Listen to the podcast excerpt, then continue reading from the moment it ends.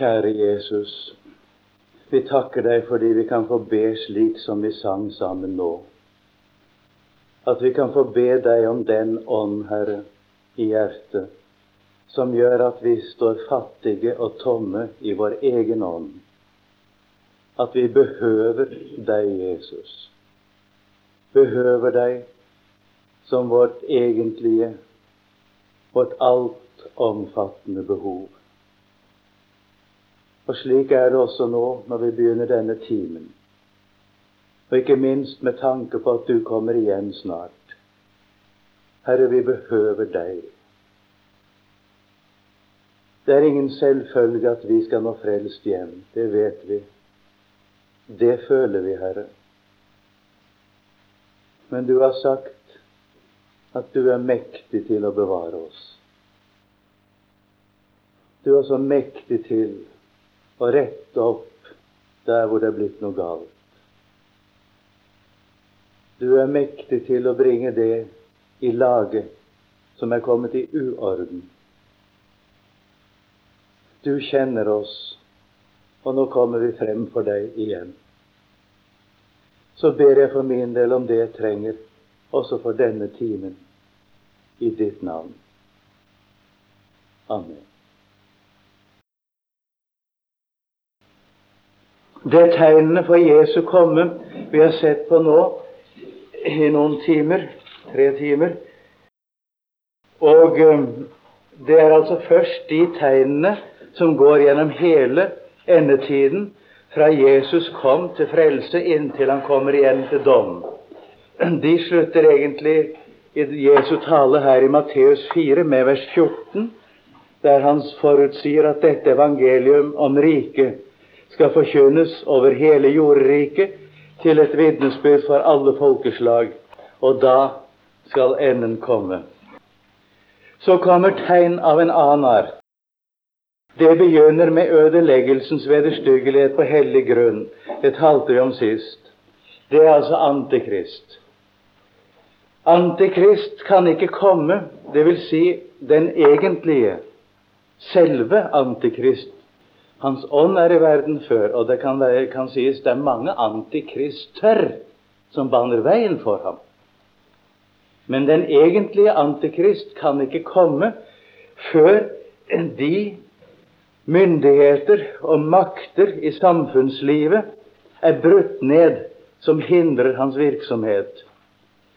Vi snakket litt om de myndighetene. Videre nevnte vi at samtidig blir samfunnsstrukturen av en slik art at alt er et eneste organisatorisk system. Man må organisere seg for å kjøpe og selge og gi og ta arbeidet osv. Samtidig blir alle nasjoner innfiltret i hverandre, også organisatorisk sett. Jeg hører nå i Dagsnytt om dagen om noe som kalles for Europaparlamentet. Det har jo begynnelsen på Europas forenede stater. Og vi har tilknytningen til Amerika. Og det er jo ikke noen hemmelighet at selv Russland holder på å komme med i bildet. Det som verden blir bokstavelig talt det som en bevegelse arbeider for, nemlig én verden. Når disse ting er ferdig, da ligger altså samfunnsstrukturen ferdig for Antikrist. Men som jeg sa, det blir en forferdelig tid for de kristne. Det har Jesus forutsagt. Men han skal bevare alle sine troende igjennom denne tiden. Det er ikke nødvendig å hylde Antikrist for å få mat og drikke. For vi har løfter i Guds ord om at endog i trengselens tid skal den rettferdige ikke mangle mat, eller hans avkom forgjeves søke etter brød.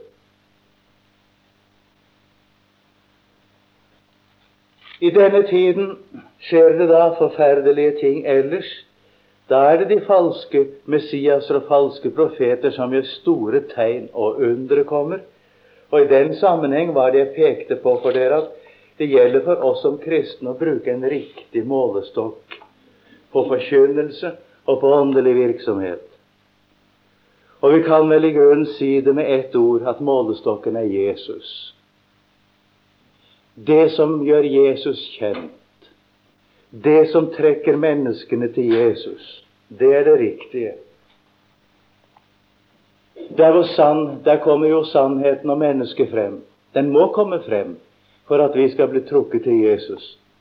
Og hvor sannheten om mennesket kommer frem, der er Guds hellige ånd. Jeg har et bestemt ord som jeg tenkte jeg kunne supplere med i dag, det jeg sa sist der.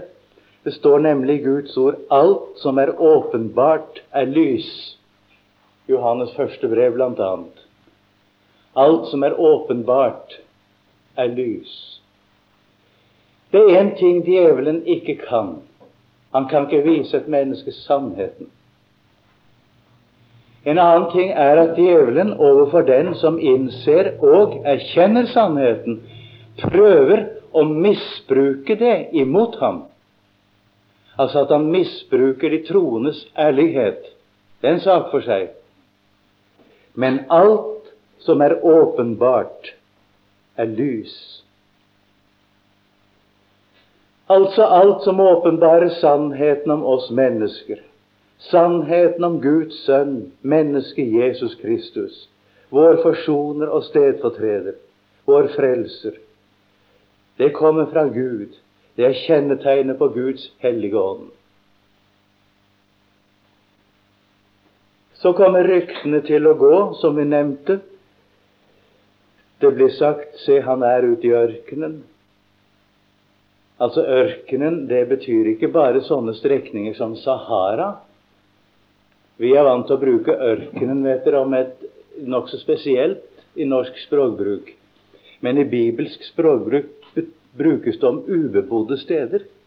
Udyrkede, skulle jeg også si. Udyrkede og ubebodde steder. Altså oppi heia, som vi ville si. Det brukes ordet ørken, altså også i betydning ødemark. Ødemark brukes det på svensk og finsk, det, og det bruker vi til dels på norsk. Det er ryktene vi går, se han er der ute et eller annet sted. Gå ikke der ut, sier Jesus. Og sier de han er inne i kamrene, han har åpenbart seg for en mindre flokk mennesker innendørs, da tro det ikke. For like som lynet går ut fra øst og skinner like til vest, således skal menneskesønnens komme være. Og til det kan jeg sammenligne 1. Korintene 15, hvor det blir sagt han kommer med overengels røst, med Guds basun. Og Jesus sier videre her hvor åtselet er, der skal ørnene samles. Det vil si, der Jesus kommer igjen, der kommer alle som tilhører ham, til å samles. Og det sørger han for. Vi skal rykkes opp gruppevis for å møte ham i skyen, vi som lever ved hans komme. De som er døde, de skal stå opp av gravene. De skal også rykkes opp. Hver sin avdeling, står det. Og vi skal forenes med Jesus. Det skjer da ved Jesu komme. Men umiddelbart forut for at dette skjer, like etter den store trengsel, kommer det tegn vi holdt på å snakke om ved slutten av forrige time. Da blir solen formørket, eller Ja, den blir formørket, og månen gir ikke sitt skinn. Og stjernene faller ned fra himmelen, dvs. Si kommer ut av sine baner. Det, planet, det blir kaos i det planetariske system, altså. Og himmelens krefter skal rokkes. Da blir universet, som jeg nevnte, å ligne med et gammelt, åreforkalket legeme. Kreftene som holder det hele sammen, og som har gått sin gang fra verdens skapelse inntil da, de begynner plutselig å forminskes. Tingene går ikke lenger som før. Og da begynner menneskene å skjønne noe.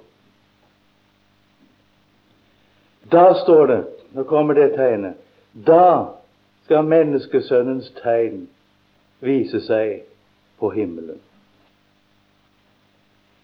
Hva det er for et tegn, kan ingen si. Det har vært sagt at det blir korsets tegn. Det er meget mulig, men det vet jeg ikke. Det er heller ingen annen som vet det. Men én ting vet vi. Det er et tegn som alle forstår er menneskesønnens tegn, uansett hvor de befinner seg på jorden. Det kommer til å vise seg på himmelen. Og det er vel grunn til å anta at det begynner svakere og blir sterkere og sterkere. Og så står det noe der. Og da skal alle jordens slekter jamre seg.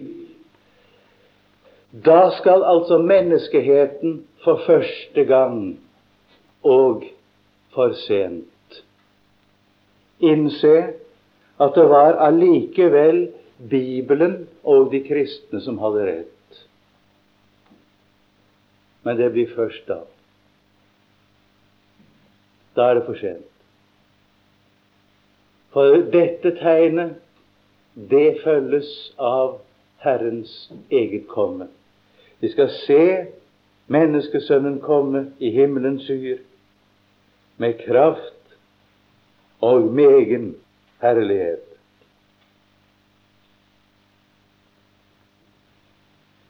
Det som altså er underlig på en måte, er at vi kan ikke her i det Jesus har talt her, plassere tusenårsriket. Dermed er det ikke sagt at det ikke kan komme inn her, for vi vet fra Guds ord at Guds ord ofte taler summarisk om ting. Og ved å sammenligne de forskjellige ord om samme ting, så kan du av og til se at ett ord sier summarisk, hva andre ord sier mer detaljert, og at det da kommer ting inn i bildet som en etter det første ordet ikke uten videre kunne se. Så det utelukker ikke den muligheten. Da vil, eh, hvis dette skal komme inn i bildet, ikke jeg kunne si avgjort hvordan vi skal tolke dette, disse siste ordene med tanke på et tusenårsrike. Det tør jeg ikke påta meg å gjøre.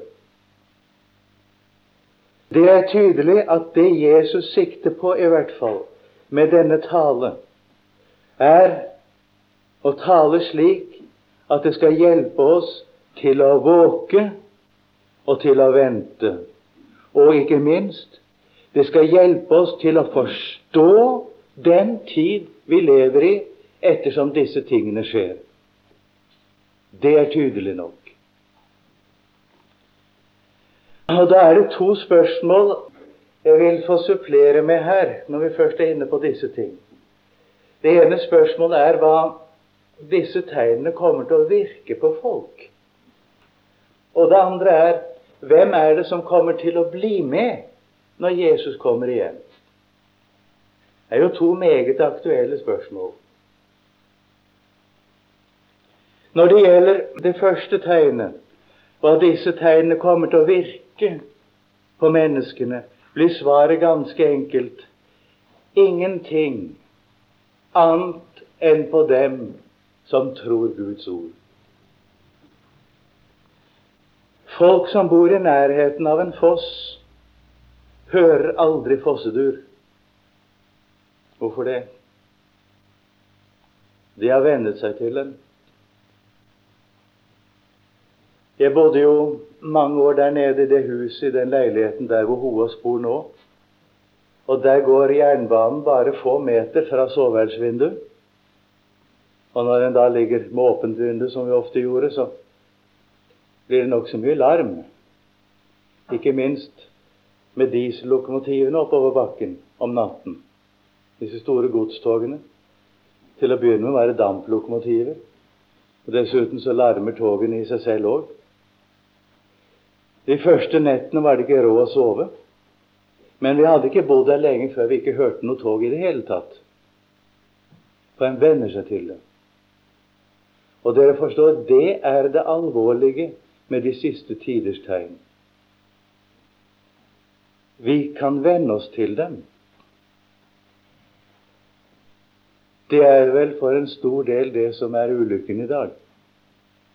Menneskene er vant til å høre om ulykker vant til å høre om krig. De er vant til å høre ting som bare i våre besteforeldres dager ville skaket dem opp i aller høyeste grad. Man hører det, man legger ikke merke til det engang. Det er veldig farlig. Derfor er det som jeg nettopp sa Jesus har talt om disse tingene for at vi skal tro ordet han forkynner, og gjennom det kommer tegnene til å virke på oss ettersom de skjer. Jeg skal nevne noe som illustrerer det fra en annen side. Da Jesus hadde gjort sitt første under i bryllupet i Kana i Galilea Han gjorde noe som var helt umulig. Han gjorde vann til vin. Da står det og hans disipler trodde på ham. Men du kan være sikker på at folk ellers i det bryllupet de fant en forklaring. Det var ingen forklaring, men de fant den allikevel. Du kan være sikker på de største under, om det så var døde som ble vakt opp, så vil du få høre en naturlig forklaring. Men det står hans disipler trodde på ham. Slik har det alltid vært. Slik kommer det alltid til å bli. De som tror Guds ord, på dem kommer det til å virke med disse tegnene. Og jeg tror nok at dere som har hørt dette, og legger merke til hva Jesus sier her, jeg tror nok det kommer til å virke på dere, at dere får nytte av dette. Så sant du ellers blir værende i troen på Jesus, så vet jeg at det kommer til å skje. Men altså, skal vi svare rent generelt på hva disse tegnene kommer til å virke i menneskeheten, så vet vi også fra Guds ord de kommer ikke til å virke noen ting. Som det var i Lots dager, som det var i Noas dager. De tok det ekte, og de ga det ekte. De bygget, og de sådde, og de arbeidet.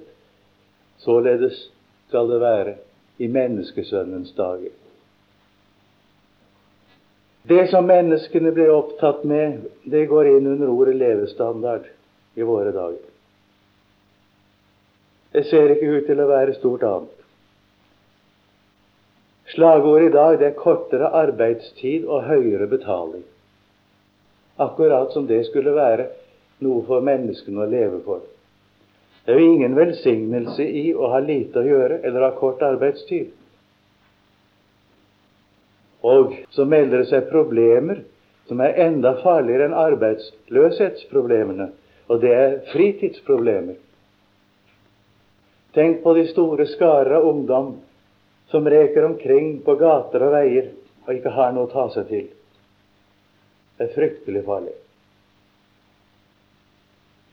Alt dette er forutsagt i Bibelen. Det siste spørsmålet, det er det aller viktigste for oss. Hvem blir med når Jesus kommer igjen? Og For å svare på det vil jeg bare sitere et enkelt ord fra Bibelen, som du kan finne ved å slå opp Salme 37. Den vil jeg be dere om å slå opp nå. Det som jeg der tenker på, er det siste ordet i salmen, nemlig vers 40. Vil dere se på det? Og Herren hjelper dem og utfrir dem. Men der kommer det et innskudd, som dere ser. Han utfrir dem fra de ugudelige. Vil dere sette en strek under den setningen der? Han utfrir dem fra de ugudelige. Den fullkomne oppfyllelse av det kan bare skje når Jesus kommer igjen. For de troende skjer det også når vi forlater denne verden. Men det er et ord som til fullkommenhet får sin anvendelse ved Jesu komme. For da skjer nemlig det han utfrir dem fra de ugudelige. Det er vår definitive, vår endelige utfriing fra de ugudelige. Og frelser dem. Altså, du ser det har et tredobbelt løfte. Og det midterste det er nyansert på den måten som dere har understreket der. Herren hjelper dem, utfrir dem. Han utfrir dem fra det ugudelige og frelser dem. Ja, hvorfor? Fordi de har tatt sin tilflukt til ham. Der har du svaret. Spør du hvem blir med når Jesus kommer igjen, så svarer Guds ord alle som har tatt sin tilflukt til ham. Å ta sin tilflukt til er jo et meget sterkt uttrykk. Man tar ikke sin tilflukt til noe uten at det er virkelig om å gjøre. Jeg har en opplevelse av det. Den er litt vemodig, den. Det var ikke så mange ganger her i Oslo vi hadde noen særlig store hendelser av den art under krigen, men vi hadde da noen her òg. Og de som var, de var slett ikke små når de først kom. Det var, en, det var til og med en søndag formiddag. Jeg sto på talestolen i Møllergaten 1 vi hadde møte da, for tyskerne hadde forbundssalen. Så falt et par bomber et eller annet sted i byens sentrum. Og så gikk flyalarmen. Så kom vaktmesteren og jaget alle i hele forsamlingen i tilfluktsrom. Men det var noen som diskuterte hvorvidt de skulle søke tilflukt eller ikke. Og det var noen som ikke gjorde det. Det var ikke mer enn et minutt eller vel det etterpå, så var de døde. Fordi de ikke søkte tilflukt. De som søkte tilflukt, ble reddet. Jeg tenkt, Da tenkte jeg på dette ordet her. Fordi de tar sin tilflukt til ham. Det eiendommelige er jo det at det hebraiske ordet for tilflukt, det betyr egentlig tilfluktsrom. Det står 'Herren er vår tilflukt' i oversettelsen. Og annerledes mener jeg det heller ikke bør oversettes. Men altså, det betyr 'Herren er vår tilfluktsrom'. Det betyr at den som har tatt sin tilflukt til ham, han er virkelig beskyttet. Han kan ikke nås av faren. Det er det som ligger i uttrykket. Og dere ser, dette er jo bare et annet uttrykk for troen. I forbindelse med sjelesorgteamet som jeg tenkte jeg snart skal ha, hadde jeg tenkt å komme inn på spørsmålet hva frelsende tro egentlig er for noe. Og da skal vi ta tid til å se litt på i Bibelen. Guds ord taler jo om troen uten at det kalles for tro. Og et av de ordene har du nettopp her. Det som her i slutten av Salme 37 før er kalt å ta sin tilflukt til Ham, det er, det er frelsende tro, det. Det er mange mennesker som Og det tenker jeg på ærlige og kjempende sjeler, altså. Som er i nød med seg selv fordi de ikke får det til å tro. De har ingen tro. Jeg skal si mer om det ved en senere anledning. Men nettopp det er en av hovedårsakene til at de desto mer tar sin tilflukt til Jesus. Det er jo tro, det, vet du. Lag ikke noe kunster med det spørsmålet. Hvem blir med når Jesus kommer igjen? Som om det skulle altså dreie seg om noe ekstraordinært. Det var ikke nok å være en kristen. Du må liksom oppnå en spesiell slags opplevelse og få en slags spesiell kvalitet. Du kan ikke være sikker på om du blir med når Jesus kommer igjen. Og det kan du være aldeles sikker på at du gjør. Like sikkert som du tror på Jesus som din frelser. Dermed har vi sett disse tegnene slik som vi finner dem i Matteus 24. Når det bare er én ting til jeg vil ta med her, før jeg forlater det, og det henger sammen nå med det siste spørsmålet jeg har svart på. Dere ser at Jesus nå videre i slutten av kapittel 24 og hele kapittel 25 taler han om den rette måten å vente hans gjenkomst på. Ja, ikke hele kapittel 25, for siste del av kapittel 25 taler han om den endelige dom. Men nærmere bestemt nå, ifra her hvor vi sluttet, og så til og med Matteus 25, 30, taler Jesus om den rette måten å vente hans gjenkomst på. Der får vi da først i kapittel 24 et avsnitt om å våke og tyde tidenes tegn. Så får vi den lignelsen om de ti jomfruer. Og der er det jeg vil få høye til noe når vi snakker om hvem som blir med. Det, det, er nemlig forutsagt i den lignelsen at det er mange som ikke blir med av dem som bekjenner seg som kristne. Ved de tider Jesus kommer igjen, skal det være en helt alminnelig ting å bekjenne seg som en kristen uten å være det. Det er et trist trekk i bildet, men det har Jesus forutsagt. Og Da bruker han altså det bildet av jomfruer. Alle var jomfruer. Alle hadde skilt seg ut fra verden, altså, uten bilde. Alle hadde sine lamper, dvs. Si alle har sin kristendom. Men det var bare fem stykker som hadde olje på lampen. Det var Bare fem som kunne møte ham. Og så blir da spørsmålet hva den oljen på lampen er bildet på. Hva var det de manglet, disse fem, som ikke hadde olje på lampen, når vi skal se det uten bildet? Og hva var det de hadde, de som hadde olje på lampen, når vi skal se det uten bildet? Det gode er det at ingen behøver å være i tvil om det svaret. Er blitt gitt så mange slags svar på det. Man har sagt de mangler Guds ånd, og det er for så vidt riktig nok, det.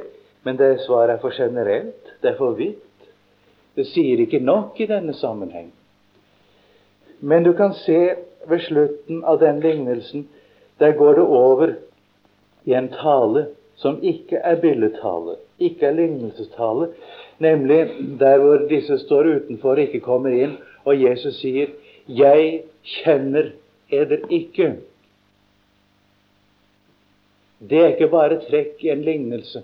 Det er også direkte tale, det. Det de fem manglet, og det de andre fem altså hadde, er kjennskapet til Jesus. det. Sammenlign der Johannes 17, 3, så har du det. Dette er det evige liv, sier Jesus, at de kjenner deg, den eneste sanne Gud, og Han du utsendte, Jesus Kristus. Et kjennskapsforhold Du vet, det er meget mer enn et kunnskapsforhold. Om jeg vet noe om et menneske Jeg kan ikke si jeg kjenner ham for det. Jeg vet f.eks. en hel del om kongen fordi vi har vært skolekamerater en gang i tiden. Men eh, jeg kjenner ham ikke. Og jeg er sterkt i tvil om han ville kjenne meg om jeg møtte ham på gaten. For en del år siden møtte jeg han nede på Stortorvet, sånn på avstand. Jeg hilste, han hilste igjen.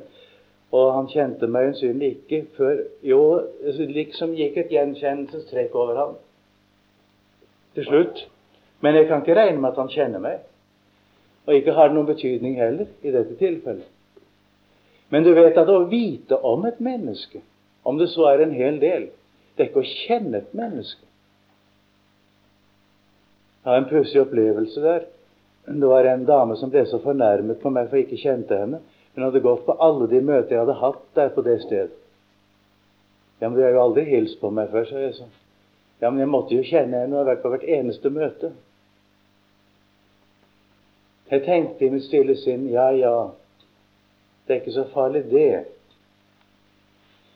Men alle de som gjør sånn overfor Jesus